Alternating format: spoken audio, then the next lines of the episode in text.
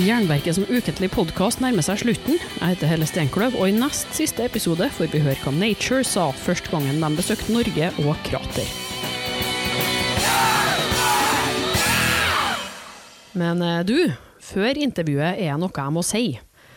For det er ikke gratis å lage Jernverket, så om du vil støtte produksjonen av programmet, er det helt genialt om du vil donere et par slanter.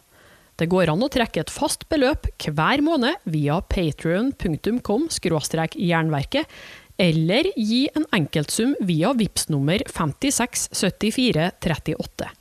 Informasjonen og lenkene står i episodebeskrivelser, og beløpet er selvsagt valgfritt.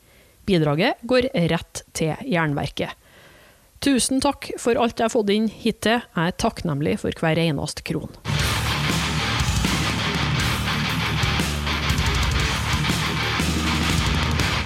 God kveld i stua, og velkommen til Jernverket på Radio Rocks.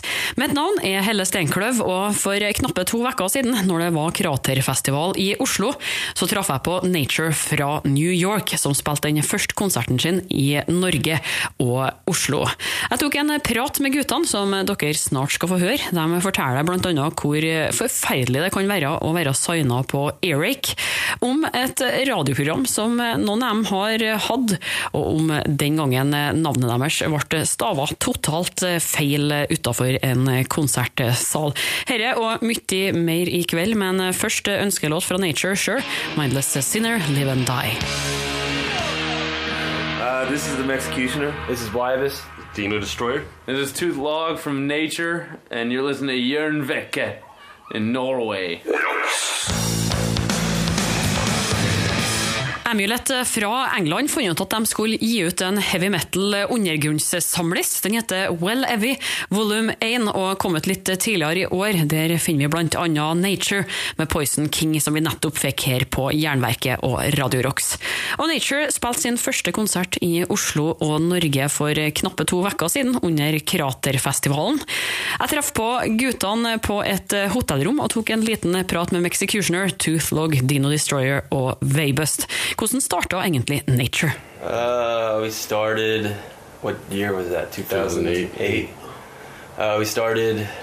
Me and Tooth are both from Rhode Island, and we were moving down to New York. And I had a previous band called Damasic. Tooth, his other band Norwell, we used to play together a lot. And he start. Our drummer left Damasic. He filled in for our drummer and started playing music together. And moved down to New York, and Damien had wanted to start a band, so we got together as a three piece. And uh, originally, the bass player from my old band, Damasic, was going to play bass, and uh, I was playing guitar at that point. Yeah, and then we just neither of us were really good guitarists, so we weren't Dino. Yeah, we needed a we needed a shredder, and we were playing with uh, Dino's other band, Total Social Suicide, a lot, and it just Tooth suggested that Dino. Actually, Tooth t- told us that Dino had a. He, he thought he he knew of a guy that had a Jewish priest tat, and I don't know. That sounded pretty good to us. It turned out he didn't have a Jewish priest tat. He had a Jewish priest hat that he lost. but no longer on it. We thought he was pretty cool with a Jewish yeah. priest hat. Yeah. So we were like, yeah. but the reason he got in though is because uh, the bass player from Damasic that was playing was quit when we sent him some recordings. Like you guys don't have the chops. yeah, You, you need some. He wasn't impressed. He wasn't impressed. So yeah, already uh, Dodds, the bass player, quit, and so we need we had he switched over to bass and. I just came in and filled in filled the guitar duties immediately. immediately. yeah, yeah. Fit like a glove. Kind of like that was that was it right there, in a nutshell. Originally, we were called Blood Beast. I don't know. It didn't really fit what we were mm-hmm. doing. Represent the music quite right. Yeah. We have Blood Beast recordings that are pretty cool though. Yeah. Do they differ from the Natur we know today? Yeah. What kind of music was that? It's well, it's it's heavy metal, but it's more it's a bit more rock and roll. Yeah. It's like it's down like and old raw. sound. It's just like kind of seventies rock kind of. But heavy. Yeah. And one song called Purple Princess. All the songs are basically about like the weed that we were buying from uh, the delivery dealers, and all the weed that we would buy had different names on it. So we would like write songs about like the weed character or whatever. Yeah, that's We were high a lot. But then, then we were like, we it just needed- didn't fit. Yeah, it was. Kinda, it wasn't. started writing closer to the way we write now, and it was just kind of didn't really match. You know, it was like a weird when we play that song in, in the set. It just kind of was a and a departure in, a, in a way. It just wasn't nasty. We wanted to make just some nastier, scarier sounding shit. Det sa Toothlog, trommis i Nature. Og bandet mener det at du må ha litt mer satan i deg for å kunne skrive ordentlig god heavy metal. you know, we just took a lot of inspiration from horror movies and and you know the evil side of things. It should just should, should sound like intense, I guess, but not like Not always about like just fucking partying and yeah. Think chicks and that's for the rock and roll. Yeah. Yeah. And there's nothing wrong with that. It's great. When we that was another thing when we started. We like had some songs about like cold cuts and, and beer and stuff like that. And, sandwiches and you shit. know, yeah, it didn't have the same effect. I don't know. It No. just it's fun more- to play. yeah. Fun It's- to. It's always like fun to write songs about like stuff we enjoy, like everyday life. But it's much more interesting to write songs about things that only happen in dreams. You have to use your imagination a little more, I guess. For many centuries ago, North met Det her er Radio Rocks og Jernverket. Vi fikk Neptune med Enemies plukka ut av Nature fra New York. Og vi møtte Nature under Kraterfestivalen for et par helger siden. Og de fikk jo en drømmeavtale. I hvert fall kan det kjennes sånn for mange band, når et plateselskap velger å sanne dem.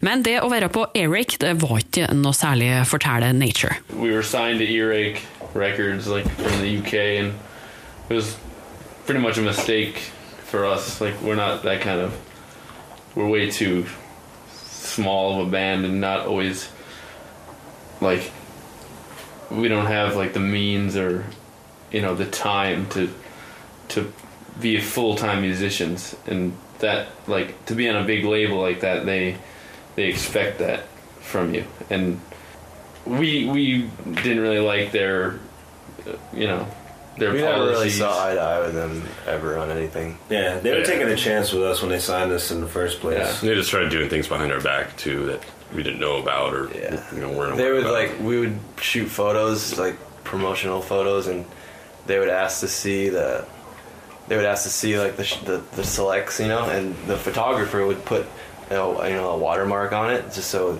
it, when you know when they wanted to use the photo, he would you know ideally they would pay him for it, but they never paid him anyways. But they ended up taking those photos and using them with like the photographer's watermark basically over our faces, you know, just like really unprofessional stuff like that. They would like make shirts that we didn't authorize and They'd uh, put up rough yeah, mixes merch. yeah. up on their site or whatever. there was like some kind of communication barrier with them like pretty much the whole time and we had some you know they they put out a great product with our album but it was uh it's so fucking expensive like so that was like a, a big problem for us. We could never get our own records because they were costing us like about fourteen dollars a piece.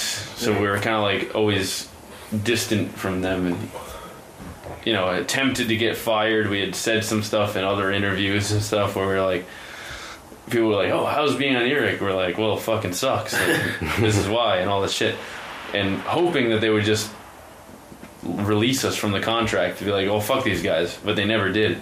And then uh, in the spring of this year, uh, we got an email that just said, "Hey, you know, we had a good run, but we have to." Pull the plug on Natur so you guys are now free agents and we thought it was it was the best day of our band's history Yeah, we were pretty when, when they fired Yeah, there was one guy that there, uh, Al Al, Dawson. Dawson, and he was like the only guy in our court.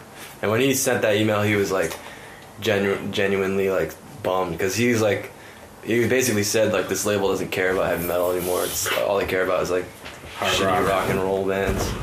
So, and we were really happy when we got that email, just so because now we can kind of do whatever we want. It was being on a label like that kind of limits you. You think it would open up a lot of doors, but actually closes a lot of doors as far as like doing seven inches, like split seven inches with bands and, and stuff like that.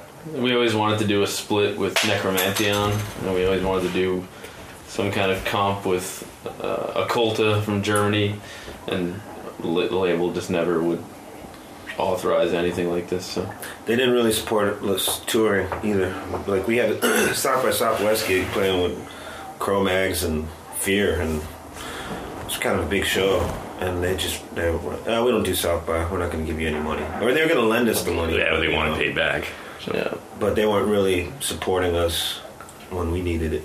Du hører et intervju med Nature på Jernverket og Radio Rocks. Det å være signa på et stort plateselskap var ikke noe særlig for et band som dem, men nå kan de gjøre akkurat hva de vil. The next step is we're going to release a single, like uh, probably record it still this year, and uh, we'll have Electric Assault put that out, which is uh, a label from Brooklyn, Henry. He's been working with Antichrist and like the Oath and. Uh, Stone Dagger stuff. Yeah, Sonic Ritual, all these grave mass bands. Nature fra New York på Jernverket og Radio Rocks. Vi skal snart høre mer fra dem etter det her og Trouble med Psalm 9. I kveld er det Nature som er gjeste-DJ-er på Jernverket, og Radio Rocks Trouble med Psalm 9 der. Og Nature har et tett bånd til ganske mange norske og svenske band. Men hva er egentlig groen til det når de holder til på andre sida av dammen? Mm. Back in the MySpace days, Proxy stumbled upon our uh, MySpace page and uh, she started emailing us, and then she was coming to the states with Obliteration and Nekromantheon, and me and Tooth were down at uh, Maryland Death Fest. I mean, yeah, Maryland Death Fest, and we ended up hanging out with those dudes, and then they came to New York, played a show in New York, and we all jammed at our practice space, and just kind of been and then like the Fenriz thing, band of the week. Yeah, I guess Proxy was listening to it with Fenriz, and uh, just after we had met Obliteration and and her or whatever, and then it was uh you know back when band of the week was kind of fresh and new, and it was like exposing us to so many like underground bands from Europe, and then when we went to Live Evil, we finally you know, we get to see really what the fuck is what when it comes to underground heavy metal. It's just something like we. It was a nice meeting of the minds at that festival. Yeah, yeah everyone, solidified. Everyone yeah, was kind of on the same page on what they were doing. The talent coming out of Europe was really impressive.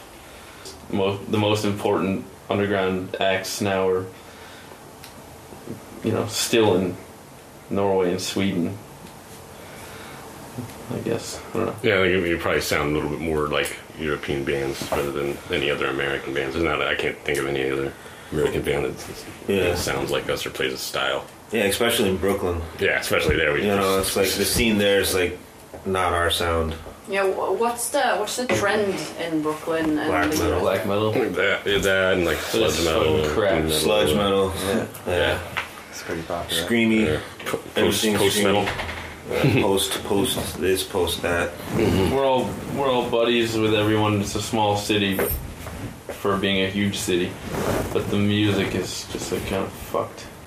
I feel like we relate to the guys in in flight and Nekromantheon obliteration more so than even any other bands in the states. Like we're all doing kind of we're on the same plane, on the same level. All just working schmucks.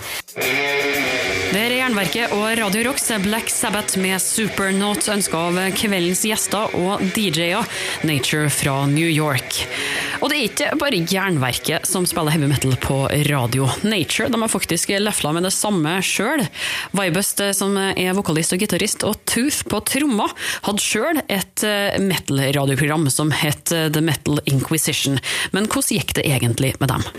Show for like three years, basically the whole time the producers of the station were just giving us a hard time, saying that we needed more listeners and we needed to be more professional, and to like stop being drunk on the air and all this stuff. And we are like, fuck, this is like that was kind not of, what we that was kind of the whole point of the show was it was an online radio station uh, like right on first and first in new york. And it was literally like this like a glass window and the streets right there and so it was like the perfect platform for a radio show like to be on the street in new york city you know just constant weirdos coming in there bums just like bachelorette parties you know and uh but yeah they had shows 24 hours just like all different John. We were the only metal show on there. There was a, like a hardcore show that we would go on after, and that was like pretty intense crowd to like walk in. It was like uh, Vinnie Stigma and like all those dudes just like hanging out. It's pretty awesome. all like the Cro-Mags guys and all the fucking Murphy's Law and all these like crazy guys in there all the time. Just think we're gonna get beat up, but they were really cool. They were cool though. But, But they they kicked us. They eventually, the last straw was something like we. It was uh, the anniversary of Randy Rhoads' death, and we are like, yeah, we're gonna play some Randy Rhoads. You know, he died 30 years ago today, and it was like 31. and it was 31 years ago, and we were like, we didn't care. We're like, whatever, we fucked up, doesn't matter. And uh, the guy was just like, that's it. I'm pulling the plug on your show. Like, you guys suck. Like, you need you have, you you need a fact checker and all this shit. And we're like, fuck you, man. So I was on tour with a occultation at the time that had happened. And I was on the phone with Ryan. We're back and forth. I'm calling the producer, telling him to go fuck himself. It's like this whole thing. Then Ryan went in, stole all the shows The so we could so we could listen to them forever. And then uh, they asked us to come back, and we were just like, no, like we're done with you. They basically put us on probation, and they were like, "You guys are on probation until you get like a producer that is like gonna basically do your." Sh-. They just wanted our show to be like the Eddie Trunk show, you know, like he would just always nitpick every little thing that we did wrong, and you know, like we he, for one, we like hated Twitter and we didn't want to be on Twitter. And he's like, "You guys have to be on Twitter," and like, so we'd just like do it as a joke. We would just like write really stupid shit on Twitter, and then he'd start criticizing our tweets. He would like email us like, "This is a bad tweet," like. Like it was just like getting to that point where it was like we, we weren't getting paid to do it. We were doing it for our like just to promote our friends' bands, like new, you know, up and coming metal bands, and you know, it was just he was giving us a lot of shit for something we were doing for free. You know, I think we were week. we were Yeah. pretty successful for what it was. We had like you know Dave Chandler from St. Vitus. We had Mark the Shark from Manilla Road. We Rob had Halford. fucking Rob Halford in the studio with us. Like He was the coolest guy ever. six months later, the entire station is gone. Yeah, just shut Like down. it just shut down. So dude. I think it was on its way out anyway. Tooth og Vibuster fra Nature fortalte om radioprogrammet sitt Metal Inquisition som de hadde tidligere. Nå er radiotida deres forbi, men de er i gang med TV og forteller kort om The Uncle Freddy Show, som de holder på å planlegge. It's we filmed an episode with Antichrist last year actually when we went on tour with them. So it's That was just about like exactly a year ago. yeah. Once I think once the first episode gets going, it's like it's just like building the whole like platform for it, and then hopefully it'll go a little smoother. But it'll mostly be like put out on DVDs and just ship them and ship out through like probably Electric Assault's mail order or something like that. I don't know. Beer Drinkers and Hell Racers hvem andre enn ZZ Top på Jernverket og Radio Rocks. Og det er Nature som styrer musikken her i kveld. Vi gjorde et intervju med dem under Kraterfestivalen for et par uker siden, og de fortalte noen av de beste Spinal Tap-historiene sine til oss. Our first marquee that we we were playing with High on Fire, and uh, we roll up to the venue, and it's like High on Fire, blah blah blah, Tunar. They like misspelled our name, T U N A R. That was All, like all the same, all the same letters, but just tuna, you know. scrambled. Jump. I mean, that's as Spinal Tap as you can get right there. The guy came out and fixed it right away. He fixed Yeah, it, yeah. but yeah, we, But it was, it was funny though, pulling up and it was like tunar. And we did uh we have like we did a a little tour last winter and uh we were supposed to play three shows in Canada Oh yeah, and uh two. we ended up getting denied at the border two times so we ended up only playing one show. But the, the first time we got denied was pretty funny because the Canadian uh, border patrol is pretty strict about they're pretty good about finding bands that are trying to sneak across the border. And so we didn't bring any of our like nothing no equipment no like merch at all. Uh, we had like two Natur tapes in the van but we also had like other bands music too so like didn't think they would single it out. Uh, for some reason they singled out the Natur tapes. And Dino had one in his backpack pulled tooth over and he had one in his uh, po- he had a Natur patch in his pocket. And so they uh, immediately you know found like realized they were like are you in this band called Natur? And we're like yes. And they're like are you playing a show tonight? And we're like no we're not. We're not playing because we took everything off our you know facebook and everything. And so they they brought us they brought us into like the questioning area and we're all sitting there and the guy sitting at a computer like calls us like will the band Natur please come up here and we're like so he's like, so you're not playing a show tonight in Canada, right? No, no shows in Toronto. We're like, no, no shows. He's like sitting there looking at a flyer for the show that we're playing. Just basically like blatantly lying to the border patrol. So they weren't too happy about that. They threatened Yeah. to uh-huh. ban us for a year, and would have really Yes. fucked us because we were playing a. Yeah, we just played a festival there. Wings of Metal in August. So I drove Two days in a row. Deathhammer across the border when they were there. I drove. I had. I needed a ride to Canada that day, and they were going to Canada, so I just offered to drive them. And uh, I was when we got there, I got so nervous. I was thinking like, if there's one band that'll never get into Canada, it's gonna be Deathhammer. and like, if they don't get in, I'm fucked. I'm leaving for Europe like the next day. You know, I need, I like have to get in, and we went in there and it was the shortest border experience ever. And the the guy took our papers, swiped them, was like, "You guys are all good to go." I was like, "What? like, how is this possible?"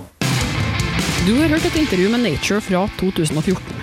Likte du det, kan du høre pratene med Coldrun, Black Viper og Ranger. Neste uke kommer siste episode i Jernverket som ukentlig podkast, og den blir ganske spesiell. Jeg tok nemlig med meg opptakeren og ble med Svartalv Destroyer på tur i hans ungdoms fotspor. Skogen bak her sånn, eh, herfra og bort til Kolbotn på Kongeveien, så er det tatt en million black metal-bilder, liksom, for det var det eneste stedet vi kunne gå og være litt fra sjøl oppi skauen. her. Sjøl om podden nærmer seg slutten sånn som du kjenner den, så bør du likevel abonnere på Jernverket podkast via podkastapp, eller gå inn på jernverket.kom. Fortell alle du kjenner om podden, og legg gjerne igjen ei god anmeldelse der du lytter.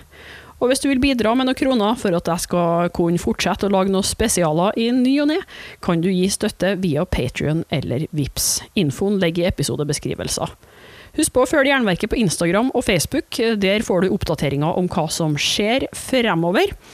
Akkurat nå kan du vinne to Audiopain-skiver fra Katakomben og Duplicate Records.